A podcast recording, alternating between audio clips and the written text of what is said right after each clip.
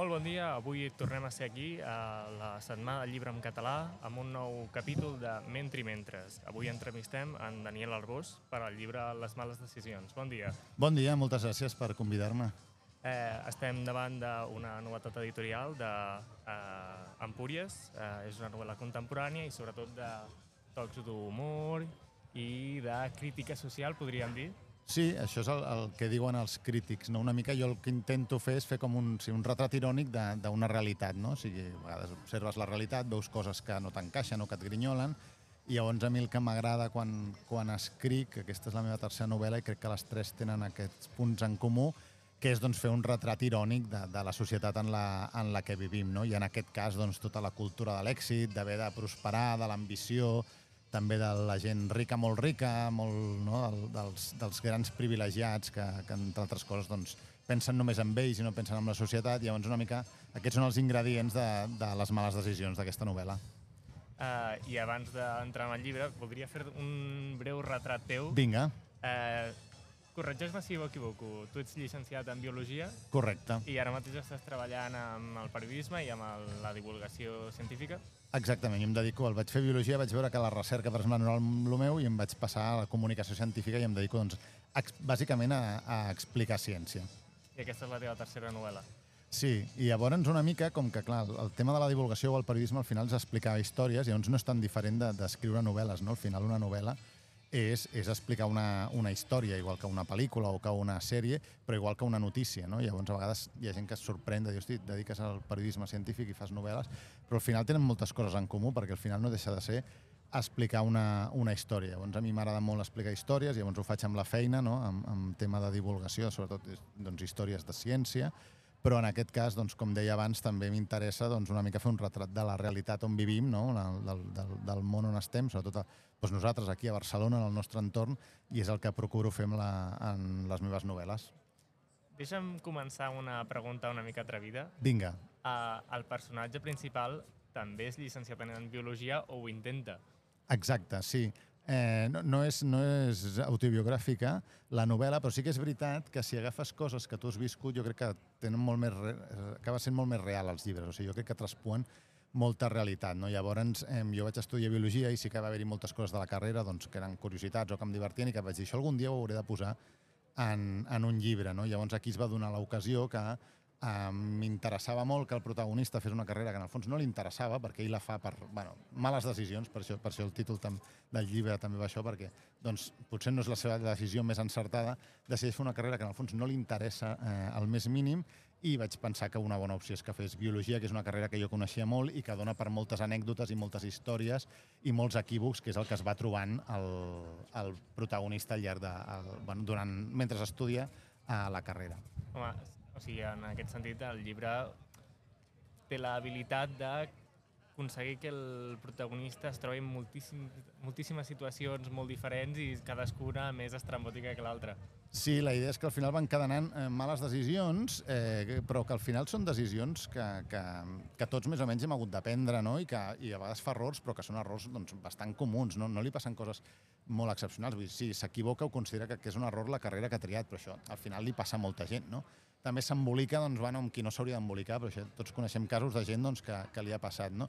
I per tant, al final, una mica són les decisions del dia a dia, de la quotidianitat, les que no l'encerten i que el van portant, no és com una bola de neu que es va fent gran, i llavors ell neix en una família molt privilegiada de rics, on és, no? té una vida regalada en principi, i bueno, doncs acaba una mica els inferns, en tot, eh, acaba descobrint un món que és tot l'oposat per les seves males decisions que acaben una mica expulsant d'aquest primer món privilegiat, però, curiosament, en el món on acaba anant a parar, doncs és una mica on se sent més còmode, no? i una mica es comença a perdonar ell mateix i s'adona que hi ha altres realitats i que ell potser aquest món ambiciós, competitiu, de, dels grans empresaris, doncs no, no li interessa el més mínim.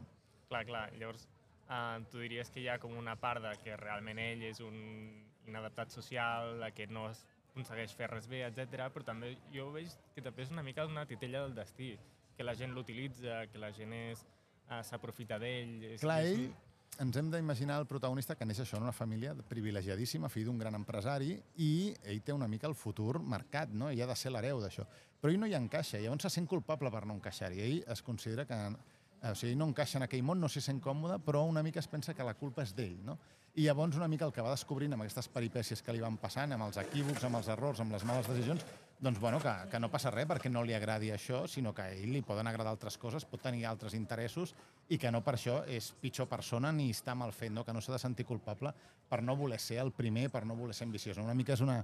Bueno, eh, reivindica la mediocritat una mica, no? Escolta, tu pots voler anar fent, anar tirant, sense necessitat de, de, de tenir grans ambicions a, a la vida. Eh, I com dèiem abans, sí, principalment és un llibre humorístic, però hi ha aquestes pinzellades que et vas trobant de crítica social.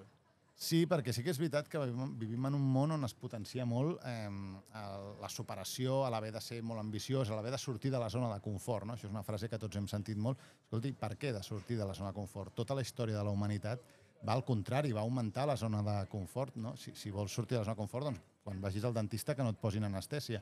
Però sí que és veritat que són idees que ens van inculcant, no? I hem de fer moltes coses, i hem de mirar moltes sèries i moltes pel·lícules i fer molts viatges si no estàs perdent la vida. I una mica tot això ens porta a l'autoexplotació, no? Abans tu havies de ser molt, vull dir, havies de ser molt productiu a la feina i treballar molt, eh, i ara ho has de ser les 24 hores del dia, no? Perquè no només n'hi ha prou amb treballar molt, has de, doncs, has de fer molts esports, has de això, viatjar molt, anar a un munt de concerts, i, i llavors ens autoexplotem, que porta una infelicitat, perquè si no sembla això, que estàs perdent la vida i valorem més tot el que no fem que no el, el que fem. No? Llavors, una mica, eh, la novel·la vol reflexionar sobre, sobre això i també que no tothom pot ser el primer, ni tothom pot triomfar i ni t'has de sentir culpable per no triomfar. No?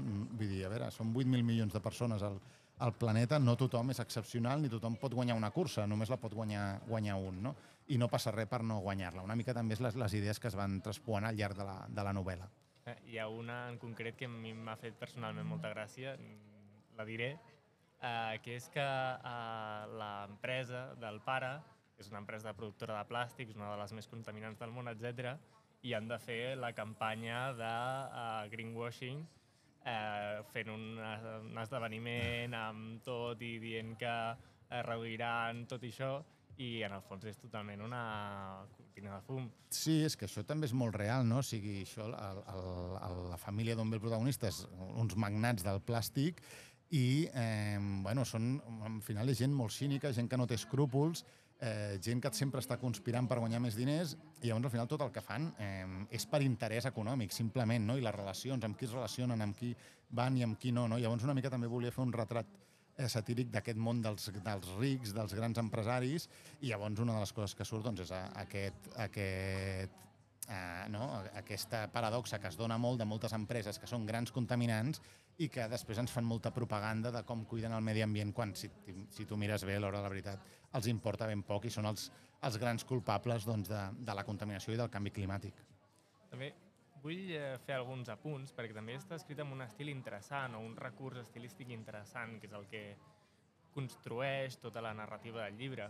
Eh, ho avanço, perquè està a les primeres sí, pàgines sí, i a la portada i tot, que és aquest instant dilatat abans de morir. Eh, és una recurs molt interessant. No sé si vols fer algun apunt respecte a aquesta qüestió. Bé, el llibre comença amb el protagonista a punt de morir aixafat per un hipopòtam. I llavors una mica això és el que el fa reflexionar què l'ha portat fins allà, no? O sigui, una mica es planteja dir com he acabat jo perquè més és un protagonista que també ho descobrim al principi, no li agrada l'aventura, no li agrada viatjar, no li agraden els esports de risc, ell li agrada la calma i la tranquil·litat, i llavors una mica es planteja, o sigui, com puc ser tan desastre d'haver acabat a punt de morir aixafat eh, per un hipopòtam. Llavors, tota la novel·la és una mica reconstrueix la seva vida per intentar explicar-se com ha arribat fins allà, no? quines decisions ha, ha pres ha pres durant la vida per acabar en, en, tan, mal, en tan mala situació.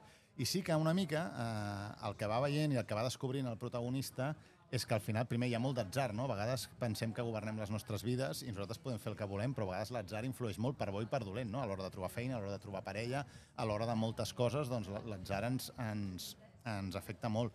I llavors una mica es va perdonant, eh? O sigui, ell comença com superculpable de dir, hosti, soc tan desgraciat que no, no faig res bé, que fins i tot acabo a punt de morir xafat amb un hipopòtam, i una mica el que es va donant és, bueno, que al final tampoc és culpa seva, no? Que al final hi ha moltes casualitats, atzars i decisions que l'han portat fins a aquesta situació absurda. I m'interessava fer una escena al principi que fos satírica per ja una mica que mostrés de què va el llibre i també xocant, no? O sigui, com és que una persona està a punt de morir xafada per un hipopòtam a més, en aquest cas és un hipopòtam de Colòmbia del zoo que tenia Pablo Escobar, que és una història també poc coneguda i que trobo molt curiosa, que Pablo Escobar doncs, va decidir muntar-se un zoo a Colòmbia amb quatre hipopòtams quan van matar Pablo Escobar van deixar els hipopòtams allà i ara són un problema bastant greu a Colòmbia perquè s'han multiplicat molt i llavors em feia gràcia també explicar aquesta, aquesta història.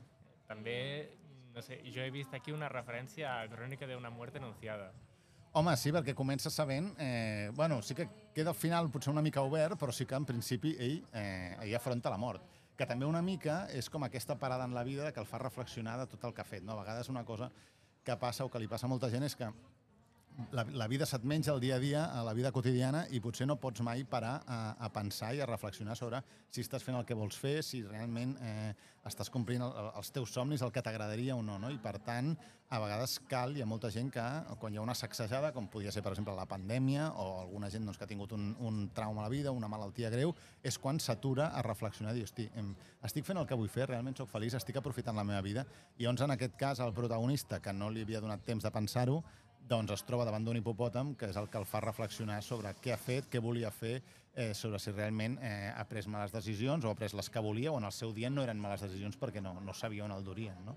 Clar, clar, i és tota aquesta eh, qüestió d'aconseguir la perspectiva una vegada el món ja s'ha enfonsat que això li passa quan troba aquell grup de marginats, etc. És a dir, és una qüestió interessant de que quan vius en aquella bombolla, aquell babau, el personatge, no se n'adona del món que l'envolta, i és només quan el perds que te n'adones d'on ets. Bé, això jo crec que ens passa molt, no? Passa molt a molta gent que no ets conscient del que tens o del que no tens fins que ho perds, no? Fins que canvies i no ets conscient dels, de, o, o dels privilegis o de lo feliç que eres, no?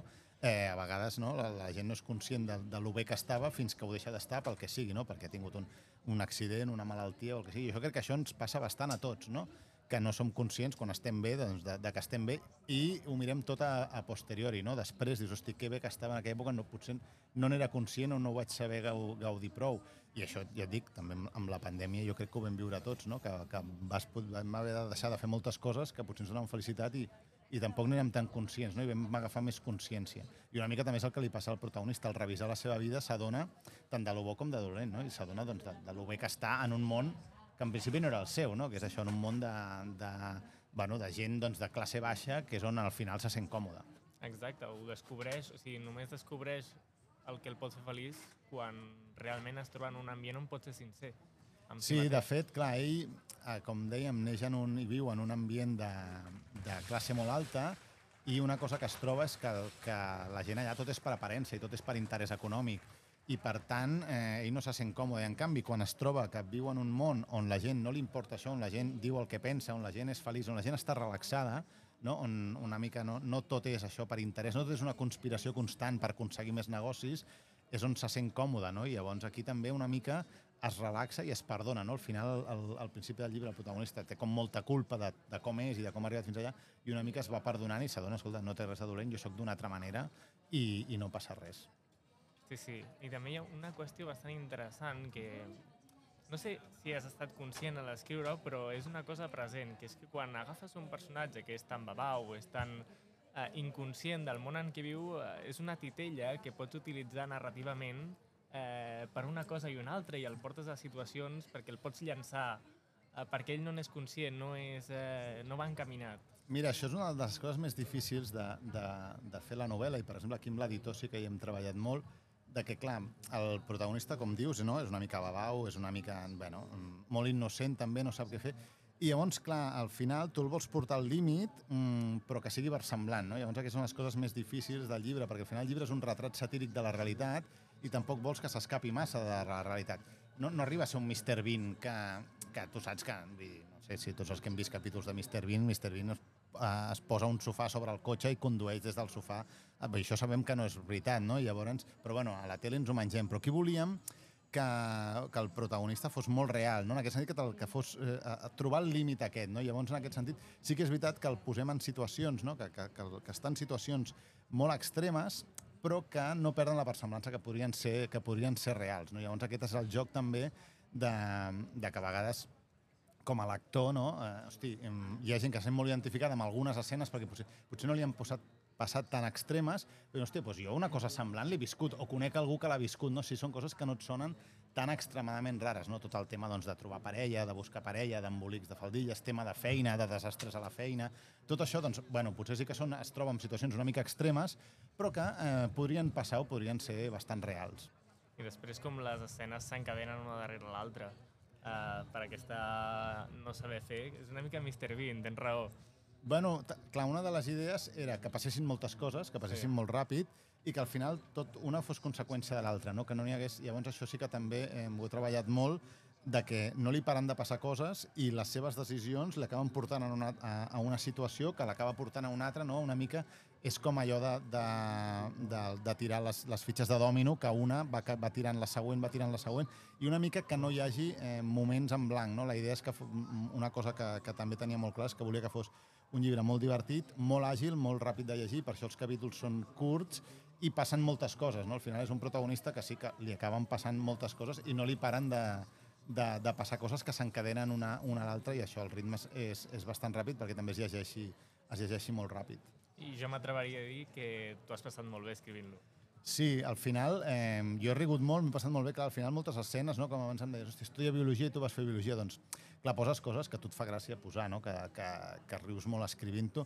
També al final una mica, eh, jo intento fer un llibre com des de la meva mirada, no? la, la idea és també és augmentar una mica l'ecosistema de llibres que, que hi ha en català i per tant fer un llibre com que només podria fer jo. No? Llavors aquí doncs, poso coses o que he viscut o que he conegut o coses que a mi em fan molta gràcia. També al final acabes fent un llibre que és, com diu molta gent, els llibres que a tu t'agradaria llegir. No? I llavors, sí, eh, jo m'ho he passat molt bé escrivint perquè al final eh, és, és una passió, és un hobby i jo crec que els que escrivim eh, ens ho passem molt bé. Pateixes molt, és, és, és, bueno, es demanda molta energia, però t'ho passes molt i molt bé escrivint i per les crítiques que rebo la gent també s'ho passa molt bé llegint, o sigui que, que content per partida doble. Com ha estat el procés d'escriptura, si puc preguntar? Sí, doncs, a veure, això no- en general eh, neix... Eh, molts anys enrere vas acumulant idees, no? Vas acumulant... Jo tenia molt clar que volia fer una novel·la sobre l'ambició, sobre aquesta, això de tot aquest mm, gurús d'haver de sortir de la zona de confort, aquesta necessitat de progressar, de fer moltes coses. També una novel·la crítica sobre el, la gent molt rica, sobre els grans empresaris que no tenen escrúpols i tot això. No? Llavors vas juntant aquestes idees, no? que és una mica com els ingredients d'un plat, i arriba un dia que t'has de plantejar, bueno, no n'hi ha prou en tenir idees, has de tenir una història. No? I llavors també tenia molt clar que volia començar una novel·la, això també fa molts anys, amb això, algú a punt de morir eh, xafat per un animal. Havia pensat un rinoceron, un elefant, al final eh, m'anava molt bé un hipopòtam, i llavors arriba un dia que tens tots aquests ingredients i, i bueno, fas la història com que fas un com que cuines el, el, el plat, no? I llavors a partir d'aquí doncs construeixo el personatge, decideixo que sigui de classe alta, decideixo que li vagin passant coses i, i una mica per parlar de no fer una reflexió això satírica sobre aquests temes de l'èxit, de l'ambició, de, de tot això. I tens algun projecte ara Ara, en marxa? no, Si de moment, dir? No, no, no tinc, eh, perquè et buides molt, eh? és com el Pep Guardiola amb el Barça, escrivint et buides molt. Sí que és veritat que sempre tens idees, no? i llavors el, el, aquestes idees s'han d'anar eh, bueno, concretant i s'han d'anar això transformant en històries. Vull dir, tenir idees és bastant fàcil, eh, perquè tot el que ens envolta, i més jo que faig com una literatura molt real, doncs al final tot pot, ser, pot formar part d'una novel·la. El tema no és tenir idees, sinó és acabar-les això, no? que cristal·litzin en una història que és el que, el que acabes escrivint, no? I llavors això, de moment, bueno, hi estem pensant, però ho estic pensant, però a poc a poc. Ens quedem llavors amb la incògnita del futur. Sí, de moment no. Hi ha molta gent que em demana que se salvi, que les, hi hagi una segona part en què el protagonista se salvi de l'hipopòtam i segueixi vivint aventures. Això sí que m'he trobat bastanta gent que em reclama eh, una segona part de les males decisions. I llavors, bueno, no ho sé, eh, hi pensaré perquè sí que és veritat que, que la gent li ha agafat carinyo, perquè el protagonista també ja et, et, genera, et genera sentiments doncs, diferents. Hi ha gent que li agafa mania, hi ha gent que li té ràbia, hi ha gent que li fa llàstima, hi ha molta gent que li agafa carinyo i diu, home, jo vull que se salvi i que segueixi fent aventures. Per tant, qui sap si hi haurà una, una segona part de, de les males decisions. Jo ja m'estic imaginant el protagonista com el Mowgli per la selva, intentant sobreviure amb malàries, amb més hipopòtams, etc. Mira, seria un bon primer capítol d'una segona part, eh, que, que surt corrents de l'hipopòtam i se salva. Podria ser, perquè al final queda bastant obert. Doncs amb aquesta incògnita tancarem el capítol de Mentri Mentres. Moltíssimes gràcies, Daniel, Moltes gràcies a vosaltres per convidar-me. i fins aviat. Fins aviat.